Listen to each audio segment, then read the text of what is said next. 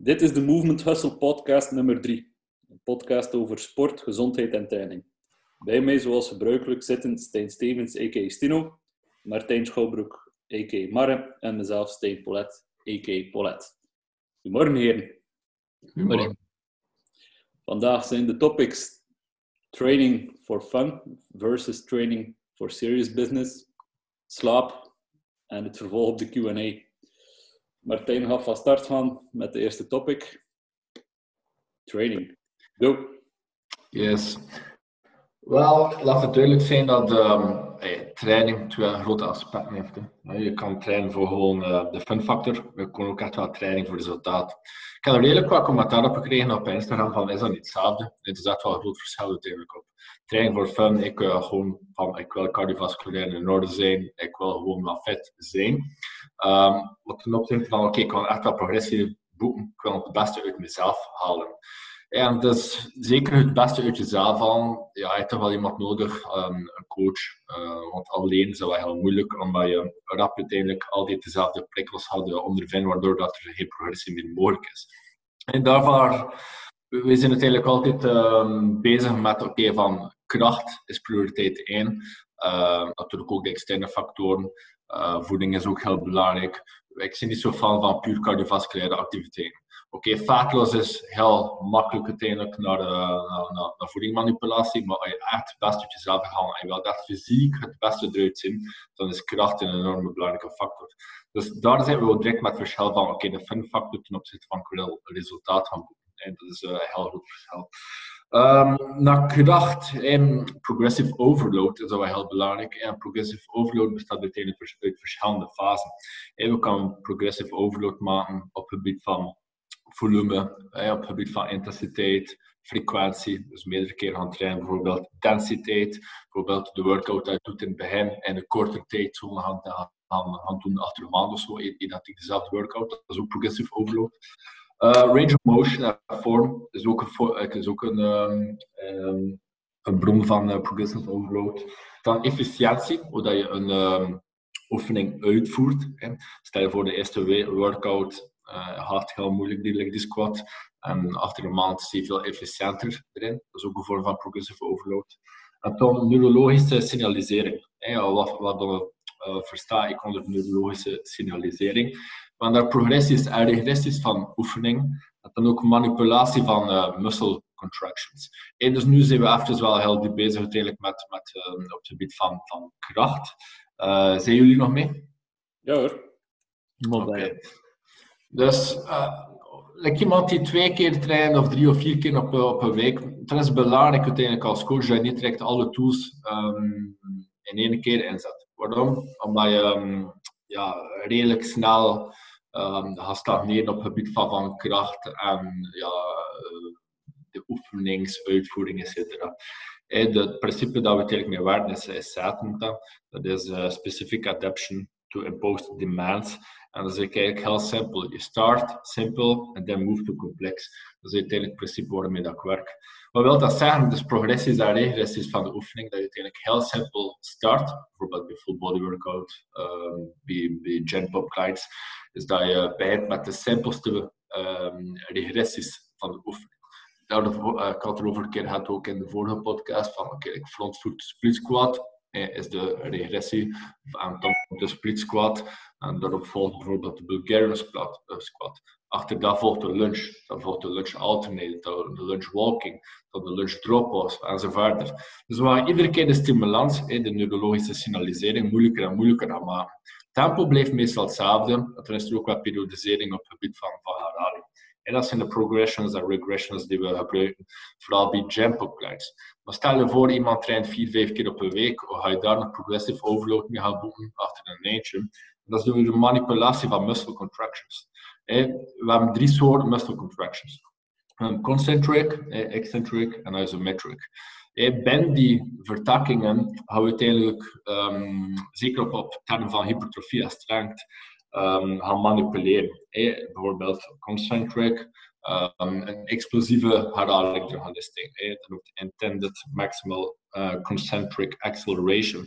Dat is gewoon de intentie voor het um, gewicht, zoals inclusief mogelijk te gaan uitdoen. En dat verbetert, laten we zeggen, intramusculaire coördinatie, maar zorgt er ook voor dat we meer krachtpotentieel uh, verkrijgen, als ook meer onze motorunits kunnen recruteren. Ja, achter een eindje, het is bijna heel simpel voor uiteindelijk uh, motorunits te recruteren. Maar achter een eindje, zeker naar hypertrofie toe, naar de satellite celactivering, is het uh, belangrijk dat we één, excentrisch gaan trainen, maar ook twee, heel wijd spectrum aan motorunits recruteren. Uh, en speel met die muscle contractions. Dan hebben we um, binnen die concentric vertakking dat ik ook vaak gebruik is isokinetisch. Isokinetisch, wat betekent dat? Dat we eigenlijk zowel concentrisch als excentrisch um, de bewegingen identiek gaan uitvoeren. Um, dat wordt vaak, uh, denk ik, gebruikt uh, in rehab, uh, Paulette. ja, maar dat hebben heel specifieke toestellen. En eigenlijk wordt het voornamelijk gebruikt als testing.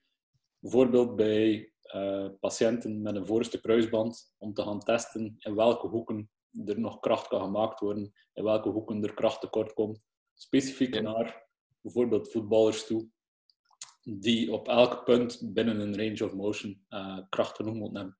Dus isokinetisch is voornamelijk een testmethod binnen uh. Want eigenlijk, wat je nu uitlegt, concentric, eccentric, isometric, zijn dezelfde parameters waarmee dat wij werken. Yes. Dus dat isokinetisch inderdaad wel rehab ja, voor, voor testing. Ik gebruik het ook in uh, termen van hypertrofie. Niet echt uh, strength related, met termen van hypertrofie. Uh, ook weer voor die intramusculaire coördinatie te gaan verbeteren. Dus dat is uiteindelijk een, een action dat ik eerst van integreer ten opzichte van die andere eccentric en isometric actions. zeker op het gebied van progressive overload. Toen hebben we eccentrics, um, voornamelijk op het gebied van ook weer hypertrofie. Um, kunnen we ook gebruiken ten opzichte van strength. Daar hebben we twee vertakkingen. We hebben een submaximale eccentric method en een supramaximale uh, eccentric method. De submaximaal is uiteindelijk een load dat je gebruikt lager dan 100%. En daar hebben we extended eccentrics um, en assisted eccentrics. Dus dat is ook twee vormen van uh, progressive overload dat we achter een eentje kunnen uh, gaan integreren. Um, dat is redelijk vergaand en diepgaand. Maar ik wil echt wel een keer verduidelijken. In progressive overload kan je heel veel mee spelen. Maar volume, intensiteit, frequentie, densiteit ga je zeker het eerste jaar redelijk snel aan zijn. Dus eccentric methods, assisted en extended eccentric. Weet jullie de uitleg daarachter? Het is voornamelijk voor een eventuele strength deficit uh, te verbeteren. Extended eccentric, wat betekent dat je bijvoorbeeld squat gaat doen in tempo 8-0 x0 of zo. En assisted eccentric is bijvoorbeeld, ik doe een benchpress, ik doe vier herhalingen naar de 4-0 x0 tempo, zowel um, concentric en eccentric, gevolgd door twee pure eccentric um, herhalingen. Dus dat betekent dat ik wel een spotter nodig heb um, voor uh, mijn concentric uit te voeren. Ja. Dan hebben we ook nog de laatste fase, maar dat is echt wel heel advanced, als in isometrics. Isometrics is voornamelijk voor een bepaald punt sterker te maken. En dus wat ik bijvoorbeeld nu aan het doen zijn met, mijn collega's, Esteen en Manu, is bijvoorbeeld, um, wanneer je test, top range squat is redelijk dominant. Dus wat wil dat zeggen waarschijnlijk dat je bottom range van een squat dat we die verbeteren. Dus de isometrics kunnen we daar eventueel gaan integreren. En daarna verschilt tussen functional isometric en wat echt wel puur uiteindelijk strength related is, voor een bepaalde hoek van um, je oefening te gaan verbeteren. En dan heb je eccentric en concentric pauses. De eccentric pauses kan je meer gaan gebruiken voor, voor hypertrofiestimulans. Concentric pauses dient meer ook weer voor een bepaalde hoek te gaan, um, voor eventueel strength uh, in balans te. Dus functional isometric, wat betekent dat? Dat is eigenlijk uh, je gewicht statisch houden tegen een object. In, in termen van, um, van kinesie, ik weet dat jullie vaak functional isometrics gebruiken. Jawel, heel veel. Oké. Om yes. de simpele reden dat um, functional isometrics uh, een van de weinige zaken zijn, in tegenstelling tot excentrisch en concentrisch, die in staat zijn om de static stretch reflex te overbruggen. Waardoor dat het zenuwstelsel perfect kan aanpikken in die zone. Want, zoals opnieuw gezegd in de vorige podcast ook, heel veel zaken die betrekking hebben op pijn, die betrekking hebben op blessures, zijn gewoon zones waar de load groter is dan de load-bearing capacity. Door in die specifieke hoek functional isometrics te gaan gebruiken, kan je heel snel de load-bearing capacity een stuk hoger brengen op termijn. En dan wel op termijn. Het eerste wat je krijgt is meer bewegingsvrijheid, een verbeterde feedback, een verbeterde afferente feedback. Maar op lange termijn krijg je een zone die sterker wordt binnen het geheel van de zones. Waarom? De wet van de specificiteit binnen de biologie zegt ook, alles wat je traint op het punt van isometrics, zowel 10 graden ervoor als 10 graden erna, sterkt even goed mee aan als het punt dat getraind wordt. Dus inderdaad, binnen kine, waar dat heel veel mensen met bewegingsbeperking komen, of pijn binnen een bepaalde bewegingszone, kan functional isometrics een grote gap vullen van de therapie. Oké, top. Wist ik niet. Wij gebruiken inderdaad, het is, het is, echt wel een advanced methode in termen van hypertrofie en kracht. En zoals ik zei, voor een bepaalde uh, beweging sterker te maken, een bepaalde hoek van de beweging sterker te maken. Dan, dus de tweede was eccentric en concentric pauses. Wat dat zeggen bijvoorbeeld, als in maart bij een uh, squat curl of zo, um, dat strength curve het men het, um, het zwaarste is, daar bijvoorbeeld 2 tot 4 seconden gaan poseren. Voor die hoek echt wel uh, sterker te gaan maken. Dan kan je zowel concentrisch als excentrisch doen. Maar concentrisch is, meer specifiek naar strength. Uh, excentrisch uh, willen we meer gaan Dus dat zijn echt wel advanced uh, manipulaties van die muscle contractions de, die we gebruiken. Um, wat echt wel makkelijk een um, ja, vorm is van progressive overload voor resultaten verder te gaan doen. Dus het is niet enkel, oké, volume, more, more, more. Hey, intensiteit moet ook niet continu opgedreven worden. Het is uiteindelijk een plan van je moet gewoon slimmer, slimmer spelen voor de um, ja, resultaten gaan boeken. Dus oké, training for fun. Je kan naar de fitness gaan, telkens dezelfde beweging doen, of telkens gaan lopen op um, dezelfde snelheid. Je lichaam wordt er redelijk snel aan gewend. Hey, dus dat is wel de grote, het grote verschil tussen training for fun en bijvoorbeeld training voor het fysieke. Uh, daar zijn er echt wel nog grote verwarringen tussen. Ik wat ik zei, iemand die obese is wil vermageren, oké, enkel bewegen en de voeding manipuleren uh, is heel simpel. Maar echt naar die next level uh, shape gaan, waar je nog nooit bent gegaan als, als een klant, dan zijn er zaken nodig die je ook nog nooit hebt gedaan. Hè. Je lichaam heeft andere prikkels nodig. En soms zullen er zaken zijn die je niet zo graag zou doen. Um, maar het is wel belangrijk voor zelf wat te doen voor de, die plateaus te doorbreken als een klant. Dus. Oké. Okay. Het was een, een redelijk groot uh, theoretisch stuk, denk ik. Um, maar dat is eigenlijk een beetje de methode wat ik gebruik, uh, stap per stap. Uh, dus zowel naar full body als iemand die vier, vijf keer traint. Zelfs al ben je Gen Pop client, manipulatie van verschillende factoren voor progressive overload te boeken is nog altijd nodig. Ik wil niet dat mijn klant hier binnenkomt en dat we geen resultaat boeken op. Uh, dus ik ben niet type klant die gaat zeggen van oké, gaan 10 kilo vermageren, je kracht is naar beneden, ik ben daarmee tevreden. Nee, ik wil 10 kilo vermageren met mijn klant, maar sterker worden, gezonder worden, etc. Dus dat is het grote verschil. Oké, dat was inderdaad een hele theoretisch stuk. Nu, mag, want het is soms ook nodig om theoretisch te kunnen onderbouwen. Als theoretisch niet kan onderbouwd worden, dan zijn we nog altijd niet wetenschappelijk bezig. Dan zijn we gewoon bezig met, doe maar op. Met als gevolg dat er hoogstwaarschijnlijk ook niet de resultaten zullen komen die de mensen verwachten. Nu, ik heb er wel drie opmerkingen bij. Ik heb ze genoteerd. Yes.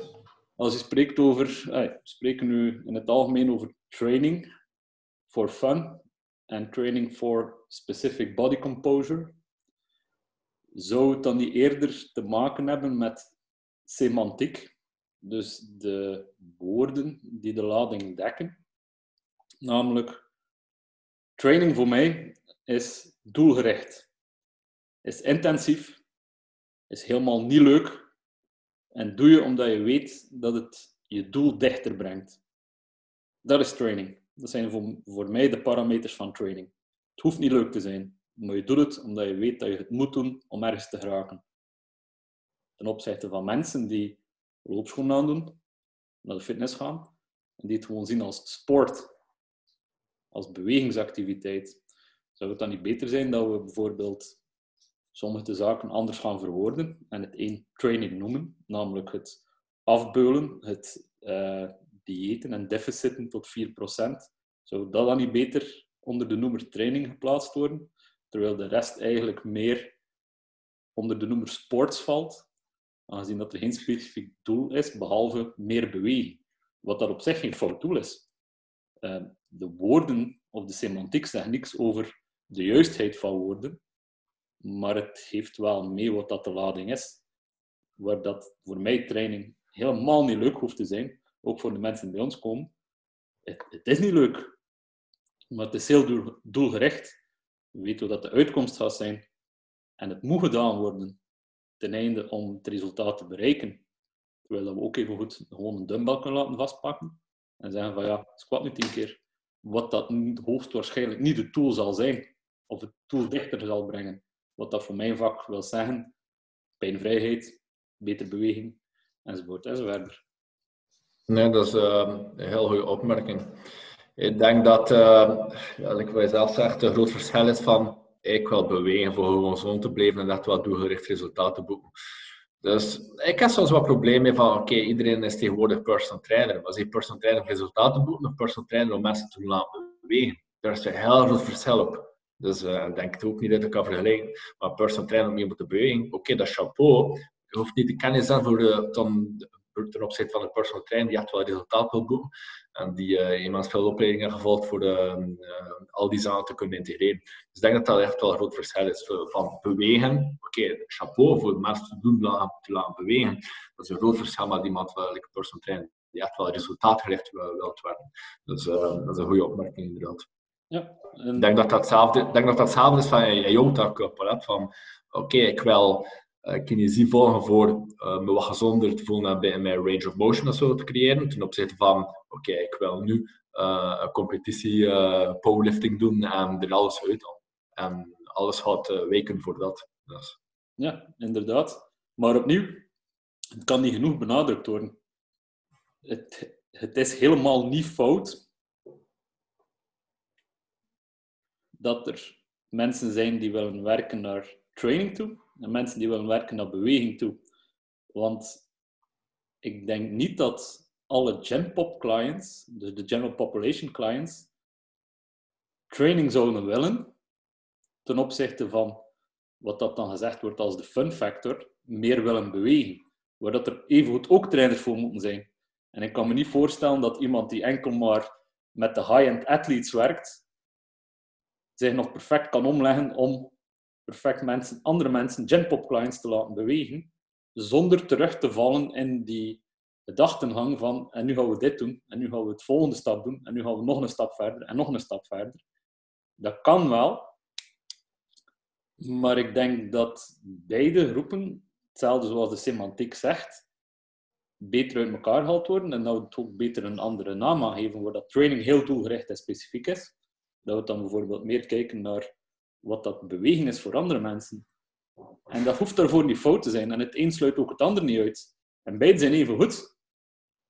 Maar iemand die een PT is, personal trainer, mag zich niet minder voelen, omdat hij met Genpop clients wil werken en zich daar ook specifiek op toelegt, dan iemand die zich op de high-end athletes toelegt. Want dat is min of meer hetgeen wat we zien.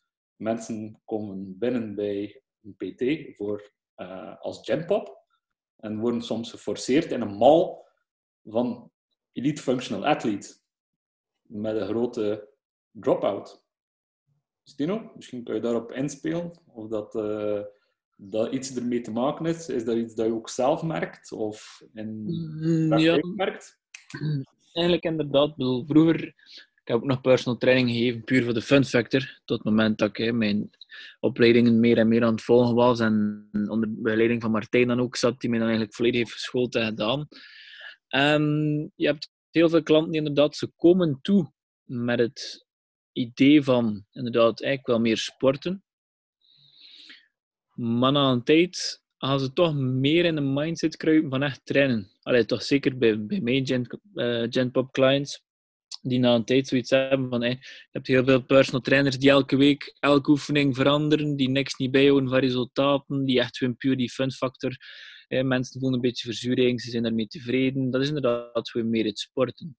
Maar wat ik wel ondervind met de klant waar ik dan mee ben overgeschakeld, plots naar het echte trainen, waarbij die dat wel afzien en zelf zeggen van ik heb geen zin in de training, maar die na de training wel zeggen van amai, ik voel mij echt stukken beter door, door inderdaad echt training en niet gewoon sports te gaan doen.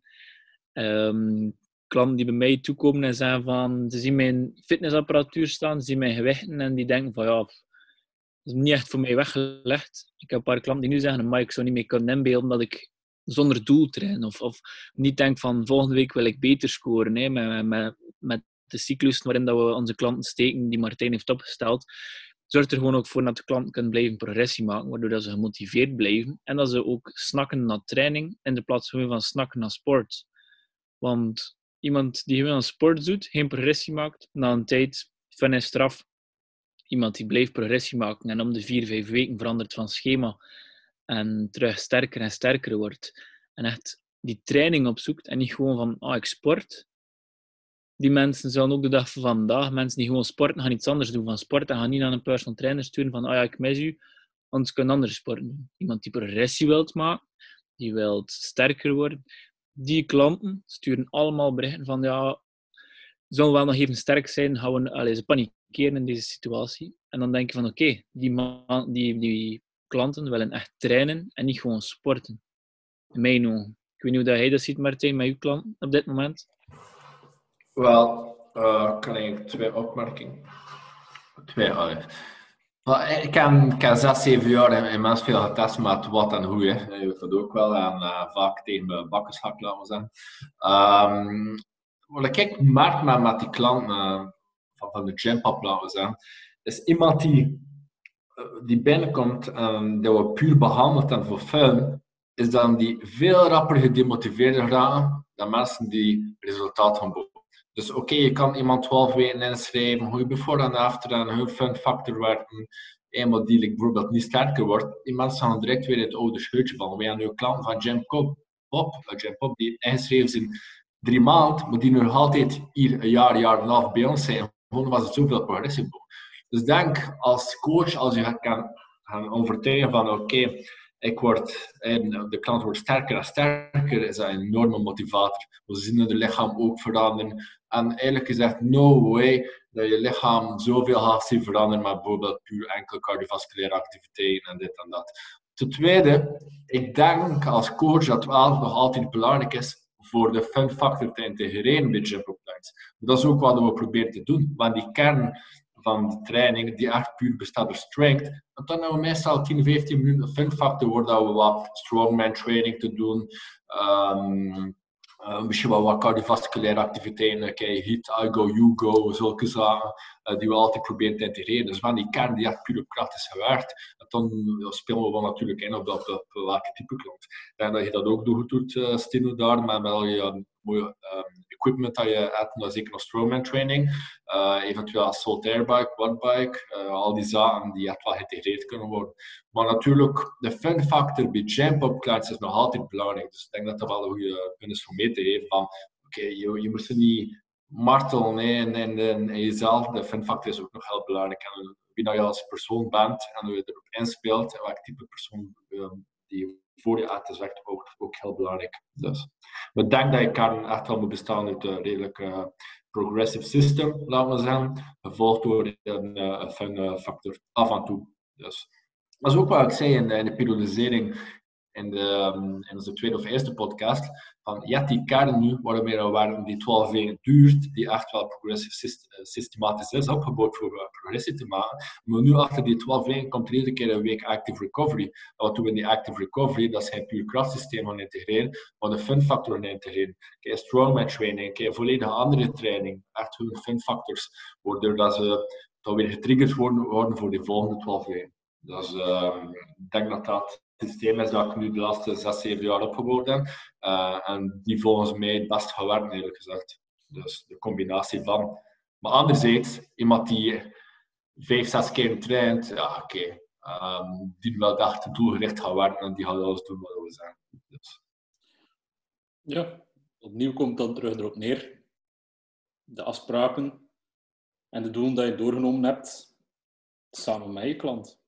De biofeedback tool, de doelen die je samen opgesteld hebt, die zijn terug van belang. Want daaraan kan je terugkoppelen en kan je merken op basis van biofeedback en de hard questions uit de comfortzone van hoe staat mijn klant het?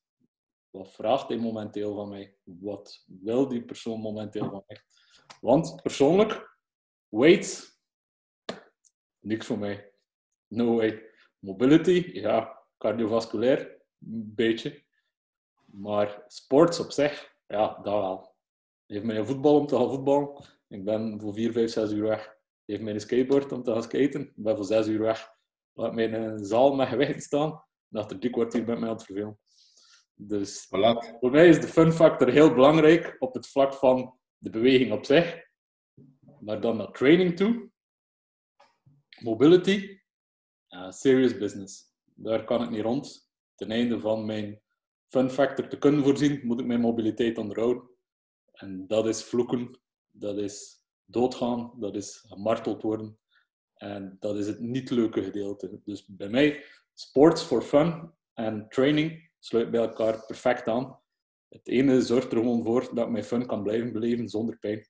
Dus in dat opzicht, ja. Weights, no way. Mobility, ja. Als training, niet als fun, maar als training. En dat geeft mij de ruimte en de vrijheid om mijn sports te gaan doen met alle fun factor die eraan verbonden is. Het is eh, vooral duidelijkheid, ik kan hier echt niks van afbreken. Hè. Het is gewoon Ja, ja, ja. een, heel groot, een heel groot verschil. Van ehm, eh, chapeau voor, voor mensen die mensen doen laten bewegen. Eh, like wat ik zei. Dus het eh, iedereen moet gewoon een keer beseffen dat er wel een groot verschil uiteindelijk eh, op zit. Want fun is heel belangrijk natuurlijk, ehm, maar doelgericht resultaat gaan, gaan neerzetten is gewoon een andere, andere topic, like wat ik zei. Ja, absoluut. En daar komen we het ook opnieuw op neer. Je hebt gekozen, waarschijnlijk een groot stuk van de mensen die hier naartoe luisteren, die personal trainer zijn, je hebt gekozen voor een vak. Weet wat je aan het doen bent. Ten alle tijden. Daar komt het op neer. Eh, Het perfecte voorbeeld, ehm, ik ken jou maar nog geen plaats voor, is wat als Tino doet in, eh, in zijn zaken. Men biedt personal training aan, maar anderzijds biedt je ook bootcamps aan. En die bootcamps zijn eh, redelijk wat goed opgebouwd, ook naar, naar kracht toe en dit en dat. Eh, maar het is in een groep, dus de fun, de fun factor is sowieso groter. Dus daar dat hij de combinatie van, oké, echt wel eh, doelgericht, ten opzichte van, nee, en anderzijds uiteindelijk eh, de fun factor ook te gaan integreren. Dus dat is... uh, je- als je de plaats voor hebt, materiaal voor hebt, is dat perfect, vind ik. Ja, dat is wel waar. Eh, als er iemand aan mij vraagt wat het verschil tussen personal training en bootcamp, ja, sowieso de, de soort begeleiding. Maar het eerste wat dat er meestal bij mij uitkomt, is inderdaad, personal training is redelijk doelgericht bij mij. En mijn bootcamp is heel veel fun factor. Eh, Conditioning-wise ook een heel stukje hoger. Maar eigenlijk vooral sociale gebeuren, plezier hebben met anderen, trainen, niet altijd uit te moeten verhogen elk gewicht. En eh, voornamelijk eigenlijk die fun gaan opzoeken. En dat is ook de reden waarom ik dat geïntegreerd heb, sowieso bij mijn personal training. Iedereen die bij mij personal training volgt, mag in dezelfde week een gratis bootcamp meevolgen. Om dan ook iedere keer te stimuleren van, kijk, wil je echt die fun factor, wil een keer eh, eerder sporten in groep, geen probleem. Maak gebruik van de, van, de bootcamps. En dat zorgt er ook voor, omdat mijn bootcamps meestal start met een krachtgedeelte en ook eindigen met een conditioning gedeelte zorgt ervoor dat ze die fun factor hebben, maar wel dat dat nog steeds de personal training onderbouwt. Wat dat toch wel weer zijn vruchten afwerpt, niet alleen op mijn eigen training, maar ik heb eh, heel veel, ja, toch wel wielrenners in mijn cliënteel. En na een paar weken of maanden, het eerste wat ze tegen mij zeggen, maar op mijn fiets, zwaar verschil. Dus dat is dan eigenlijk een sportgedeelte. En bij mij komen ze voor het trainingsgedeelte. En dat is ook wel leuk om te horen. Ja, maar... Misschien dat Paulette al wat meer verduidelijking kan geven. Like, wat is het effect van krachttraining op VO2 max en zo verder? Veel. VO2 max uh, wordt voor een stuk uh, berekend op basis van je hartslagvolume. En zoals dat Martijn zei, er zijn twee types, uh, drie types contracties. Isometrisch, concentrisch en excentrisch. laten we hopen dat je hartslag nooit begint met isometrische contracties, want anders heb je een heel groot probleem. Uh, dan denk ik niet dat je nog naar de volgende podcast gaat luisteren. Dus wie dat er ook luistert, probeer geen isometrische contracties van je hart. Maar je hart kan wel bestaan uit concentrische en excentrische zaken. Dus de kenmerken van de spierwand eigenlijk. Krachttraining zorgt voor een verdikking van de spierwand, wat dat dus wil zeggen een grotere en dikkere spierwand. Dat wil zeggen een sterkere concentrische reactie. Terwijl de cardiovasculaire zaken zorgen voor een grotere oppervlak van spiermassa, dus een excentrische uh, slagkracht die vergroot. Als je beide combineert, zorgt ervoor dat je stroke volume omhoog gaat. We weten dus dat stroke volume een van de onderdelen is waarmee dat VO2 max te maken heeft. Dus inderdaad, krachttraining, een sterkere contractie van een grotere hartspier kan inderdaad zorgen voor een verbeterde VO2 max. Nice. Stino? Vandaar dus ook het belang bij mensen die uh, krachttraining doen, om niet enkel op de krachttraining in te zetten, maar ook, maar dat zit al in geïntegreerd in je programma, toch nog ergens een stuk uh, cardiovasculaire prikkel te krijgen. Want op een bepaald moment is de concentrische kracht zodanig groot van het hart, dat eigenlijk de enige maatregel die nog kan genomen worden door het lichaam om aan het strookvolume toe te komen, is de hartslag omhoog brengen. Opnieuw, een hartslag die dan in rust telkens blijft verhogen, zorgt door uh, de basoreceptoren in de hersenen dat het hormonenprofiel verandert. Dus iemand die eigenlijk met een constant verhoogd uh, hartslag zit, heeft een grotere kans op cortisol, een grotere kans op noradrenaline, op adrenaline die constant vrijgezet wordt. Dus ook opnieuw zie je hier de verschillende soorten, de daily steps, ondanks het feit dat iedereen denkt dat dat te maken heeft meer met de base metabolic rate, heeft inwendig ook nog een veel grotere factor dan zuiver maar die 10.000 stappen om het een en het ander op te wekken. Het heeft er ook mee te maken naar de health aspect. Dat is daarom ook dat je, dat je kracht doet. Like, uh, iemand die puur op hypertrofie traint, dat belangrijk is voor je cardiovasculair systeem ook nog op uh, point te houden. Uh, ik wij zelf zeggen van de hartspieren zo verder. Dus um, ik uh, vroeger in de fitness iemand had die daar een uh, operatie voor nodig had. had. Omdat hij zodanig uh, puur op krachtsysteem focuste, nooit cardio. En het was inderdaad het enige probleem daar. Hij moest geopereerd worden. En dat had ermee te maken omdat hij nooit zijn cardiovasculaire systeem goed getraind had. Dus, maar wat er was geen idee. Dus, nee, nice. zeker goede uitleg over de VO2 max en krachtsysteem. Stino?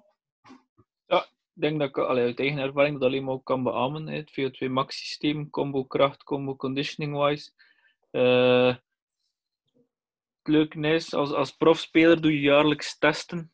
Uh, voordat je begint aan het basketbalseizoen om te testen hoe goed is hij in shape. En als je nu ziet, de laatste drie jaar zet ik heel veel in op krachttraining.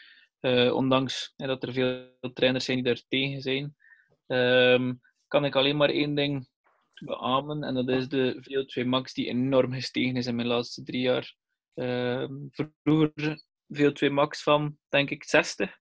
Terwijl vorig jaar heb ik een test afgelegd waarop mijn VO2 max 69 was. Uh, dus uh, hoog. ja. Dus, dus uh, daarom ben ik echt benieuwd ook naar, naar de resultaten van dit jaar in augustus. Uh, ook omdat ik heb het overlegd ook met Stijn zelf van hoe, hoe kunnen we dan nog meer gaan prikkelen omdat de laatste tijd, iedereen zit wel in kot. Dus ik ben gaan mountainbiken. En dan zegt hij, ja, eigenlijk voor je VO2 max te laten stijgen, moet je een beetje kilometers gaan eten. Uh, om kilometers fretten, om op zijn manier te gaan zeggen. Uh, om zo die VO2 max weer positief te gaan beïnvloeden. En uh, wat dat ook meebrengt, gewoon op een basketbalveld, dat is gewoon immens. De combinatie kracht, conditioning en die VO2 max die stijgt de recuperatietijd. Want ik denk basket, op basketveld, het is sprint, stop, sprint, stop, sprint, stop denk dat dat een van de ja, meest moet zeggen, intervaltrainingen zijn die er zijn in basket. Uh, zeker over korte afstanden. En dan wordt gewoon de recuperatietijd door een time-out is immens. In de plaats van buiten asem te blijven, zijn je volledig gerecupereerd, kun je gewoon 100% er tegenaan gaan. Dus uh, ik kan het alleen maar aanraden.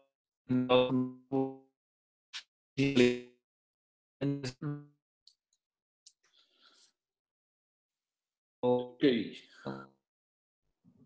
Dit is een live opname, dus uh, hoogstwaarschijnlijk is er momenteel iets misgegaan. Uh, Stino, nog aanwezig? Hoor je me? Ja, dat is moeilijk.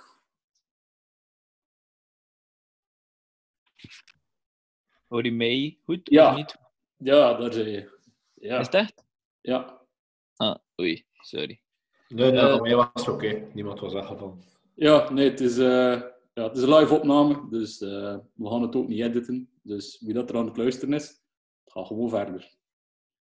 Stino, zoals dat je aan het zeggen wordt, zou je even kunnen herhalen alsjeblieft? Ja. Um, dus als profbasketter kan ik alleen maar beamen dat de VO2 max wordt positief beïnvloed door combo krachttraining en conditietraining in off-season. Um, dat is kort samengevat wat ik juist aan het vertellen was. En dat mijn VO2 max de laatste drie jaar bijna met 10 is gestegen door krachttraining te integreren op een zeer professionele manier onder begeleiding, uh, weliswaar ook van Martijn. Um, die denk ik alleen maar positief bij beïnvloed. En dat ik heel curieus ben naar de nieuwe resultaten in augustus, om te zien of dat de VO2 max nog zou gestegen zijn. Want iedereen zegt altijd, VO2 max is puur genetisch. En als dan niet is, dan een vraag naar jou, Stijn. Wat vind je van die conclusie dat er heel veel stellen van ah, je bent geboren met een goede VO2 max, je hebt geluk. Is die trainable of niet trainable? Die is zeer zeker trainable.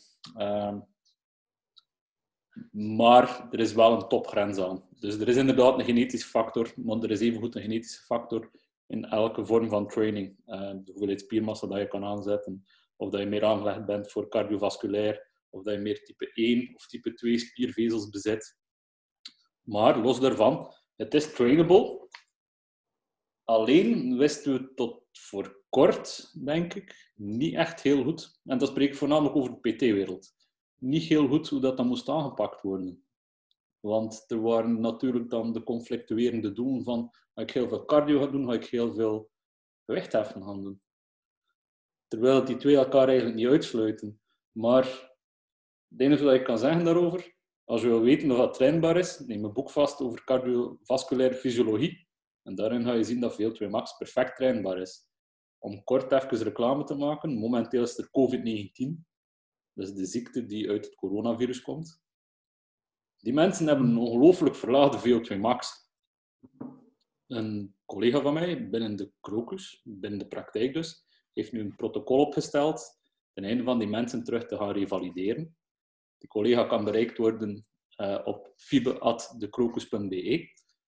Want VO2 max hangt ook voor een stuk samen, zelfs met quality of life. Dus het gaat niet alleen over de sportbeleving die een stuk beter wordt, maar je hebt ook je VO2 max nodig voor dagdagelijkse dingen te doen. Om het eerste voorbeeld te geven, momenteel zijn er COVID-patiënten die van een zetel vijf meter moeten stappen naar het toilet, die halverwege een pauze moeten nemen, omdat ze fysiek op zijn.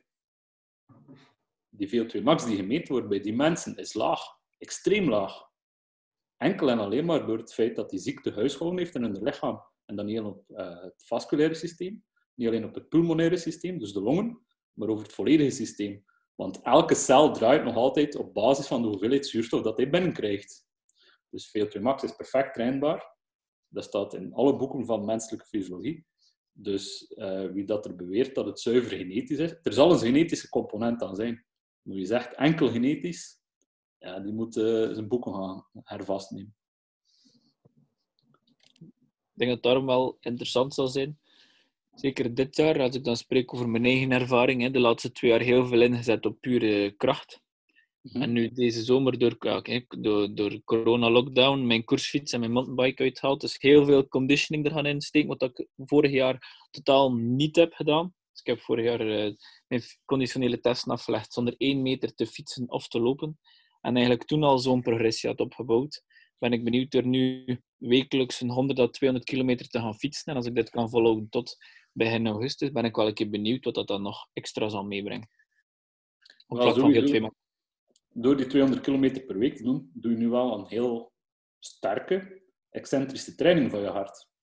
Zoals het wel fysieke parameters ziet, momenteel ben je heel sterk bezig met excentrische training van je hart, terwijl dat je krachttraining dat je doet, zorgt voor de concentrische zijde van het verhaal.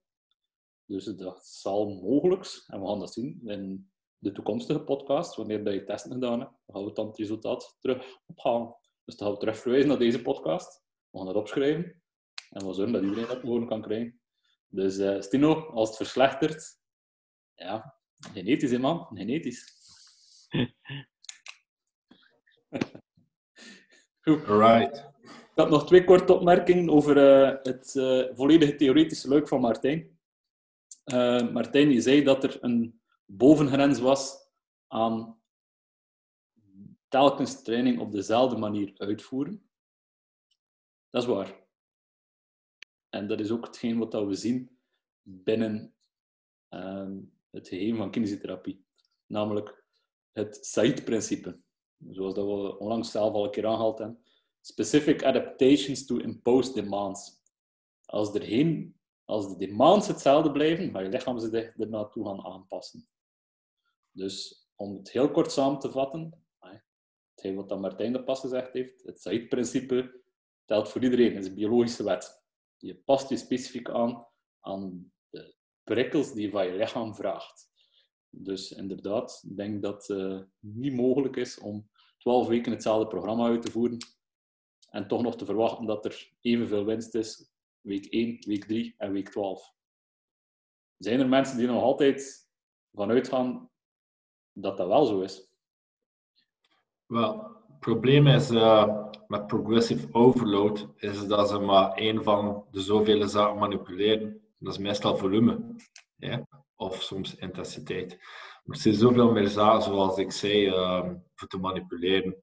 Uh, en het was in die laatste twee uh, immens belangrijk waar ik heel um, erg mee verdiept heb.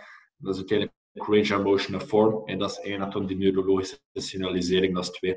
Dat zijn redelijk advanced methodes allemaal. Um, maar dat zijn de twee zaken die zeker achter een jaar of achter twee jaar moeten geïntegreerd worden. Maar we gaan plateauen op het vlak van frequentie, van vlak van volume en vlak van intensiteit. Dus uh, ik denk dat dat wel belangrijk is voor mee te nemen van eh, meer en meer, meer, volume gaan doen is uh, niet echt nuttig op lange termijn. Ook hormonaal niet echt uh, nuttig. Uh, nu, gedeelte voor progressive overload zou er uiteindelijk tempo moet zijn, tempo-integratie. Maar zonder die tempo kunnen we die rest van de zaken niet, uiteindelijk niet manipuleren. Dus uh, voor iedereen die niet weet wat uiteindelijk tempo is, bij een oefening benchpress 4-0, 1-0, dat is 4 seconden excentrisch gaan dus negatief gaan zaten. Toen 0 seconden isometrisch gaan houden, in de borst eventueel. Toen 1 seconde gaan uitduwen, en dus de concentrische fase en toen de tweede isometrische fase is bovenaan een aanhouden. Eigenlijk in termen van hypertrofie gaan we niet echt boven gaan maar in termen van strengthontwikkeling kan je af en toe wel boven gaan aanhouden, 1 tot 2 seconden, voor je ATP en CP-productie met een bepaalde degree, laten we zeggen, te herstellen voor toch weer de beweging doen uitvoeren. Is, is vaak toepasselijk uh, bij topsporters en zo verder. Dus tempo-integratie, ik heb daar ook nog een post over gedaan gisteren op mijn, uh, op mijn uh, Instagram, is echt wel de primaire prikkel die je moet integreren bij klanten. Voor dan over te stappen naar alle andere manipulaties van progressive overload. Dus jammer genoeg, vaak in fitnesscentra is het ego eh, veel belangrijker dan bijvoorbeeld echt in uh, goede range of motion en uh, tempo-integratie te trainen. Dus uh, ik denk dat dat prioriteit nummer één is. En dan de rest gaan manipuleren van progressive overload. Ja. Goed, ik kan me niet voorstellen, en dat is de laatste opmerking, dat al die hele specifieke zaken die je nu opgezomd hebt, integratie van de neurofysiologie binnen krachttraining, dat sommige zaken zoals eccentrics en isometrics, dat die lukken zonder spotter, zonder professionele hulp om in te plannen. Want uh, zeker met bepaalde... Ik denk maar aan een voorbeeld. Eccentric squatting. Behalve dat er misschien wat safety bars zijn waarop dat de bar kan vallen, lijkt me onmogelijk om dat deftig uit te voeren zonder gevaar voor jezelf, zonder dat er hulp aanwezig is. Ja, bij die, bij die submaximale stel van, like je 6 x 0 doet, uh, is acceptabel. Maar kijk, die supramaximale methode, waar je meer gewicht gaat laten uiteindelijk dan, dan nodig, ja, toen je wel spot nodig.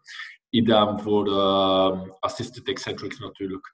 Uh, maar voor de rest, like die concentric eccentric pauses, be, dat steken meestal in uh, assistance of remedial exercises. Um, dus het is nog altijd te zien waar het in steekt. Het integreert voor de eerste keer, dus best ook integreren in de B of de C-series, dus assistance of remedial exercises, en niet direct op een, uh, op een primary uh, squat, deadlift, etc. Zulke zaken. Dus uh, ik zeg dat zijn echt wel uh, de advanced methoden voor verder hypertrofie en strength ontwikkelen. Um, dus dat terzijde, laten we zeggen. Oké. Okay. Stino, heb je nog opmerking? Ja. ja, het wel super interessant is. het is heel technisch. Uh, mensen die meer informatie willen, contacteert gerust Martijn. Want uh, het is heel dat hij zijn vak beheerst. Van de vlotheid van spreken merk je dat het spontane kennis is. Het wordt niet afgelezen. Martijn weet waarover dat gaat. Dus mensen die meer vragen hebben, contacteer gerust Martijn. Misschien in de volgende Q&A kan hij al een stuk beginnen oplossen.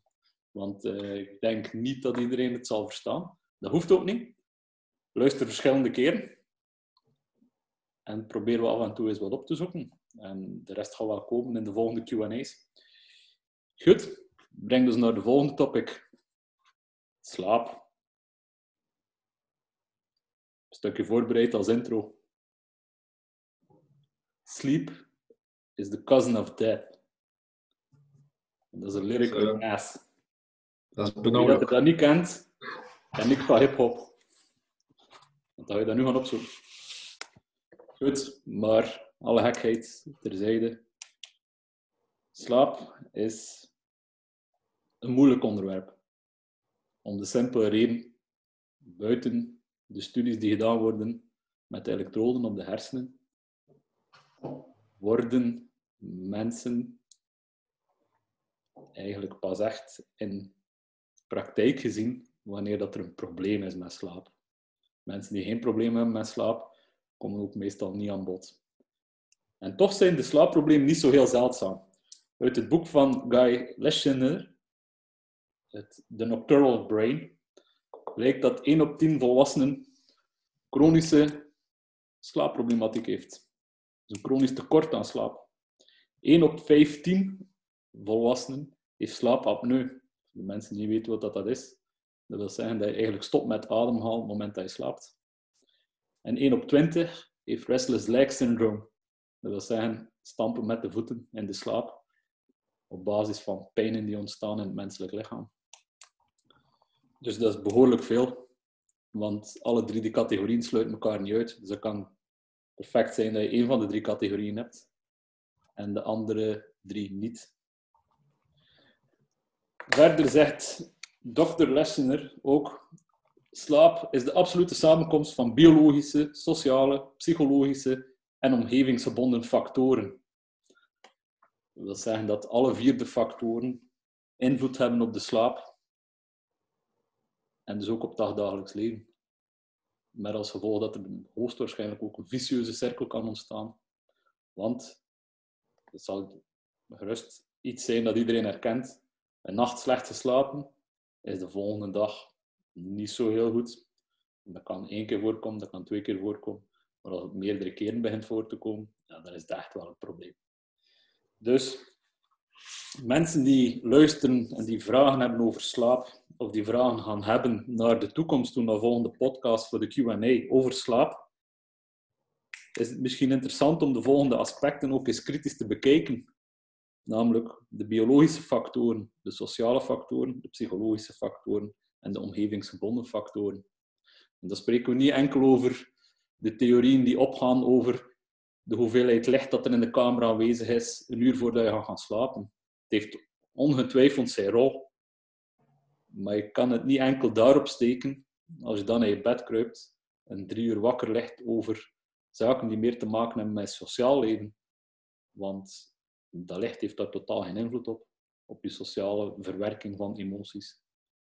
Dus in dat opzicht, mensen die problemen hebben met slaap, eerlijk zijn, opnieuw uit de comfortzone gaan, moeilijk gesprek aangaan. Dit keer niet met een klant, dit keer niet met een patiënt, dit keer met jezelf. Want het leven draait echt rond slaap. Hoe beter we slapen, hoe beter dan het in het leven gaat. En dat brengt me direct bij de eerste vraag die ik gekregen heb. 1 uur slapen over de middag en 7 uur s'nachts, of 8 uur in één stuk slapen. Technisch gezien als mens, en dat is niet ik die dat zeg, maar dat is Matthew Walker uit het boek Why We Sleep, een grote aanrader. Mensen zijn bifasische slapers, dat wil zeggen ze slapen in twee stukken, namelijk s'nachts en een stuk overdag. Daarvoor zijn er zowel antropologische, biologische als genetische factoren die ons daarop duiden. Zelfs met grote studies die het aantonen dat bifasisch slapen beter is voor het menselijk lichaam.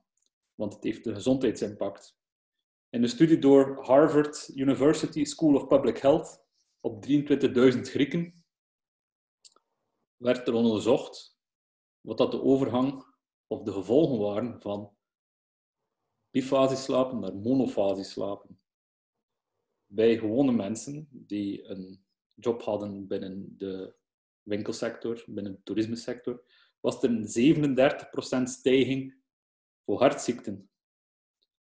Bij mensen, en zeker bij mannen die een fysiek manueel beroep uitvoerden, die redelijk wat verder van het lichaam, was er een stijging van 60% meer kans op hartziekten. Wanneer dat er geswitcht werd van een bifasisch slaappatroon naar een monofasisch slaappatroon. Dus dat toont maar aan wat dat het belang is van een bifasisch slaappatroon en hoe sterk dat de impact daarvan is. Matthew Walker steekt dat probleem van bifase naar monofase slapen voornamelijk op het gegeven dat we ooit van een agrarische sector naar een industriële sector geëvolueerd zijn. Dus de oplossing voor die vraag is het beste. Een tukje van 1 uur en 7 uur s'nachts in plaats van 8 uur straight. Uh, Stino was verleden week bezig over uh, het slapen tussen twee trainingen door. Uh, dus ervaring mag gedeeld worden. Ehm, ik denk dat ik daar alleen ja kan op antwoorden. Van het zo te doen in plaats van in één keer acht uur te slapen. Um, vorige week ondervonden, uh, gisteren dan net het tegenovergestelde eigenlijk. Misschien wel, misschien niet. Uh, daarom, wie weet. Maar vorige week heb ik uh, één uur geslapen na mobility work te doen. En dan uh, proberen in naar max vier reps van deadlift te gaan, waarbij ik dan de laatste twee, drie weken alleen maar hoger en hoger ging. En deze week heb ik niet geslapen en geen mobility works morgens gedaan, enkel alleen de cars voor training. En gisteren geen extra gewicht of geen uh, progressie gemaakt. Het kunnen, twee dingen zijn. Eén, even uh, gewoon op een plateau zitten van een week, want je kunt moeilijk elke week blijven evenveel progressie maken zoals de weken ervoor. Maar twee kan misschien inderdaad wel zijn, wie weet, had ik wel die mobility workout gedaan, uurtje geslapen, dat weer positief ging beïnvloeden. Want vorige week voelde 140 veel minder zwaar dan deze week. Kan aan heel veel factoren liggen, maar misschien is inderdaad dat uurtje slaap een factor. Is het zeker? Dat zullen we niet weten natuurlijk. Maar het kan wel een grote factor zijn. Naar mijn gevoel wel dat ik vorige week me veel beter voel. Het moment als je gewicht vastneemt, weet je zelf of je er klaar voor bent of niet. Gisteren had ik dat minder dan vorige week. En vorige week had ik meer geslapen dan deze week. Oké. Martijn, bij jouw atleten of bij jouw klanten, want uh, niet enkel over de atleten hebben, maar ook de gen pop die bij jou komt. Ja, maar Martijn doet geen mobility, by the way. Ik doe geen mobility, nee. Martijn doet geen mobility, dat is duidelijk.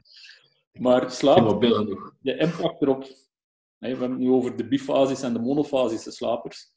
Maar in je biofeedback tool, in de training van je klanten, merk je yes. wat slaap? Wel, ik denk dat het ook belangrijk is voor mij te delen dat ik een, uh, een groot effect had op uh, slaap. Hoe, de, hoe je slaap valt, hoe je slaap blijft en, enzovoort. Dus in de biofeedback ga je altijd gaan merken in het dat meestal de mensen echt wel moeilijk in slaap vallen. Meestal doe daar in het begin niets aan. Uh, maar na een eindje, um, als ze like, gewicht gaan verliezen, ga je altijd wel gaan merken dat, ja, dat ze beter en beter bij slapen.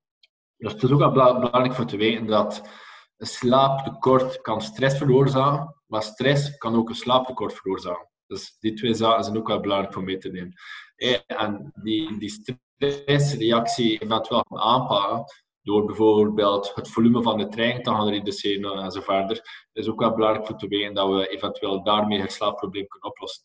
Dus dat biofeedback is heel moeilijk soms goed te analyseren van oké, wat gaan we hier gaan doen? Gaan we de training gaan aanpakken? Of gaan we eventueel gaan supplementeren voor de stressreactie wat te gaan verminderen? Of gaan we eventueel gaan supplementeren op vlak van, uh, van slaap? Het is, uh, dat slaap eigenlijk drie fasen. van één, hoe val je in slaap? Twee, blijf je in slaap? En drie, Ehm, hoe kom je eigenlijk wakker? En één en twee kunnen eigenlijk heel veel info geven over de koolhydraatintegratie. Stel je voor, ik val heel moeilijk in slaap. Wat ik dan meestal doe in de avond is twee, drie uur voor het slapen gaan, is een koolhydraatmaaltijd gaan integreren. En waarom? Koolhydraten zijn een voorloper. Dus um, koolhydraten stimuleren serotonine. Serotonine is de voorloper van melatonine. Melatonine zorgt ervoor dat je goed in slaap blijft, maar uiteindelijk ook wel um, de factor van in slaap vallen uh, verbetert. dus uh, dat zijn twee zaken waarmee kan werken. Of we kunnen eventueel gaan supplementeren. Uh, magnesium, melatonine. Ik weet dat je heel dat Colette pro en contra tegen zit.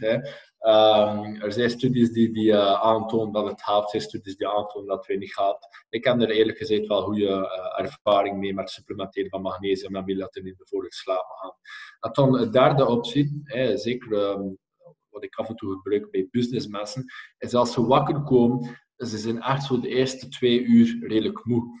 Wat we daar eventueel kunnen doen, is glycine en valium root extract gaan uh, supplementeren. Die twee zaken samen gaan consumeren, waar natuurlijk synergetisch. Dat zorgt ervoor dat je, hoe dat je wakker komt, dat je veel meer energieker wakker komt. Ik heb uh, redelijk wat mee getest en echt wel uh, positieve zaken mee. Maar het is belangrijk als coach voor te weten van waardoor vallen en waardoor slaap ik slecht. Is het echt gewoon een slaapprobleem of is het de, stress die het slaapprobleem veroorzaakt? en dan als coach kan je echt op diverse zaken inspelen. wat je eerst zou doen, moeten doen, is uiteindelijk eh, de training misschien wat aanpakken. dus um, uh, de trainingsstimulans eventueel gaan veranderen voordat je de rest gaat veranderen. Dus dat is een beetje mijn point of view uh, ten opzichte van uh, slaap, stress en zo verder. Want eh, stress, korte termijn, is, is zeker eh, vaatloos niet echt nuttig. Want we zijn dan met die leptina dus respons. Hey, wat is leptine? Dat is eigenlijk de verzadigingshormoon. En is het hongergevoelhormoon. Het probleem is dat uh, als we heel veel stress ervaren, is dat leptine uh, uiteindelijk heel laag blijft en ghrelin continu hoog, waardoor we continu honger en honger krijgen en waardoor dan cravings heel hoog zijn. Dus dat is ook wel redelijk bij vrouwen dat ik soms begeleid. Als er enorm veel cravings is, eerst voor te gaan kijken van hoe is je slaap, hoe is je stress enzovoort. Lange termijn stress hij zorgt er zeker voor dat de conversie van T4 naar T3, dus is healthy hormone thyroid function, ook verslechtert. Dus uiteindelijk negatieve metabolische adaptie zal gecreëerd worden. Dat is niet echt een toch wat we willen. Dus iemand die echt overstressed is, ja, zeker naar vacuumstoe is dat niet echt een uh, gunstige tool. Ook niet naar hypertrofie strekt, natuurlijk. Uh, gewoon dagelijks leven zal uh, negatief beïnvloed worden. Dus dat is een beetje mijn punt. Um, stress, slaap enzovoort. Dus ook weer misschien wat te theoretisch. nee hoor, nee helemaal niet. Um, we hebben een behoorlijk luisterpubliek ondertussen opgebouwd, waarvoor dat we heel dankbaar zijn. En um, ik veronderstel dat er wel iemand iets zal hebben aan hetgeen wat je net gezegd hebt. Al is het een personal coach, al is het een personal trainer, al is het een kinesitherapeut die luistert. Slaap is, zoals ik dat pas gezegd heb, een ongelooflijk groot probleem. We zijn in een, in een wereld aan het komen waar dat slaap als luxe gezien wordt. Vandaar ook de intro, sleep is the cousin of death. Mensen laten tegenwoordig slaap liggen ten einde om doelen te bereiken die ze hoogstwaarschijnlijk sneller zouden kunnen bereiken indien dat ze beter zouden slapen. Ehm, de wedstrijdatleten die behalve hun wedstrijd ook geconfronteerd worden met het dagdagelijks leven, die nog steeds een job uit te voeren hebben. Ja, slaap is dat van het allergrootste belang, want die zitten met twee hele zware stressoren. Die zitten met het dagdagelijks leven en nog een keer de wedstrijd bovenop komt. Dus opnieuw, slaap is een van de meest essentiële factoren bij die mensen. Maar niet alleen bij die mensen, ook bij de general population. Alles gaat gewoon beter als je dan ziet wat dat de impact is van ehm, het afschaffen van de siesta in Griekenland geweest. Dan noemt dat dan wel geen siesta, maar bon. Wat dat, gaf op het stijgen van heart disease ja, dan kan je rond dat slaap van kritiek belang is. Dus het mag best technisch zijn, want wie dat er ook luistert, gaat hier wel iets kunnen uit ophalen. Als er na deze podcast tien mensen zijn die beter gaan slapen s'nachts en die een betere slaaphygiëne gaan hebben, dan is ons doel al lang geslaagd. Dus het mag best technisch zijn. Hugh, volgende vraag. Kan je te veel slapen? Nee. Nee, je kan niet te veel slapen. Je hersenen hebben een circadiaan ritme dat je laat slapen en laat wakker worden. That's it. Op dat vlak zijn we solar-powered. En dat is niet ik die dat zegt, maar dat is uh, professor Huberman van Stanford. Uh, mensen die hem willen volgen op Instagram, dat is Huberman Lab als uh, handle. En die gaat perfect kunnen uitleggen waarom dat we solar-powered zijn en wat dat invloed is op onze slaap. Want dat brengt mij direct bij de volgende vraag. Slapen voor 12 uur, nuttig of niet? Er is een dichotomie. Je hebt mensen die genetisch bepaald zijn om langer wakker te blijven s'nachts. En mensen die genetisch bepaald zijn om eerder in slaap te vallen op de avond. En in dat opzicht is het heel duidelijk dat het circadiaan ritme bij iedereen afhankelijk is en dat dat voornamelijk eigenlijk de grootste bepaler is van wat te doen. Um, verder voor de rest, het circadiaan ritme, de vragen over de maaltijden uh, die we ook gekregen hadden, zijn beantwoord door Martijn de Pas op een heel professionele manier. De vragen over slaap zijn rond. Um, we zitten ondertussen bijna aan een uur podcast. Dus uh, ik stel voor dat we vandaag afsluiten. Dat iedereen nog zijn contactgegevens nalaat en de outro verzorgt. En dat we volgende keer verder gaan over slaap, voor een stuk, en de nieuwe Q&A. Dus, Stino, samenvatting van vandaag? Um, groot verschil tussen training en sport. En denk ook wel, als ik kort gevat, over um, slaap. Slaap over training in plaats van training over slaap. Yep. Maar? Yes, wel laten we zeggen, slaap is ook een vorm van progressive overload. Hè. Dus uh, ik denk dat we daar gerust ook mogen mee uh, pakken. Dus. Voilà ze. Wat een perfecte samenvatting. Slaap is een vorm van progressive overload. Sowieso. We gaan uh, alles manipuleren uiteindelijk. Hè. Ja, inderdaad.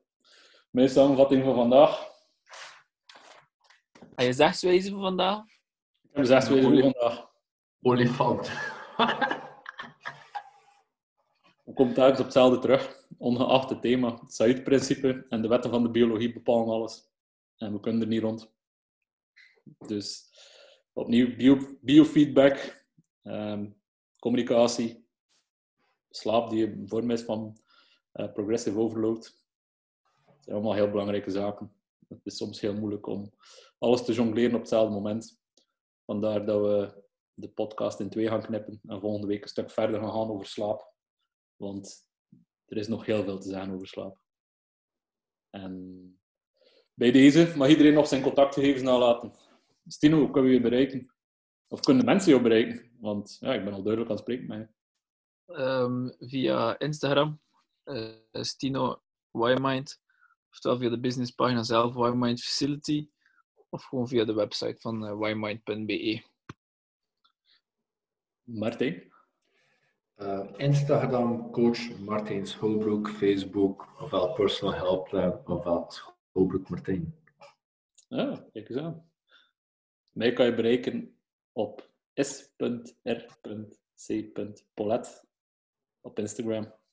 En als je dat niet vindt, die twee andere heren gaan gerust wel de link plaatsen. Dus dan kan je daar gewoon op klikken. Hoe meer vragen over mobility en slaap, Bij deze gaan we afsluiten. En volgende week gaan we verder met nog meer vragen, hoogstwaarschijnlijk over slaap. En nog meer antwoorden over slaap. Bij deze bedankt voor het luisteren. Zoals dat je gehoord hebt, is de live-opname. Dus de glitches gaan er blijven inzetten.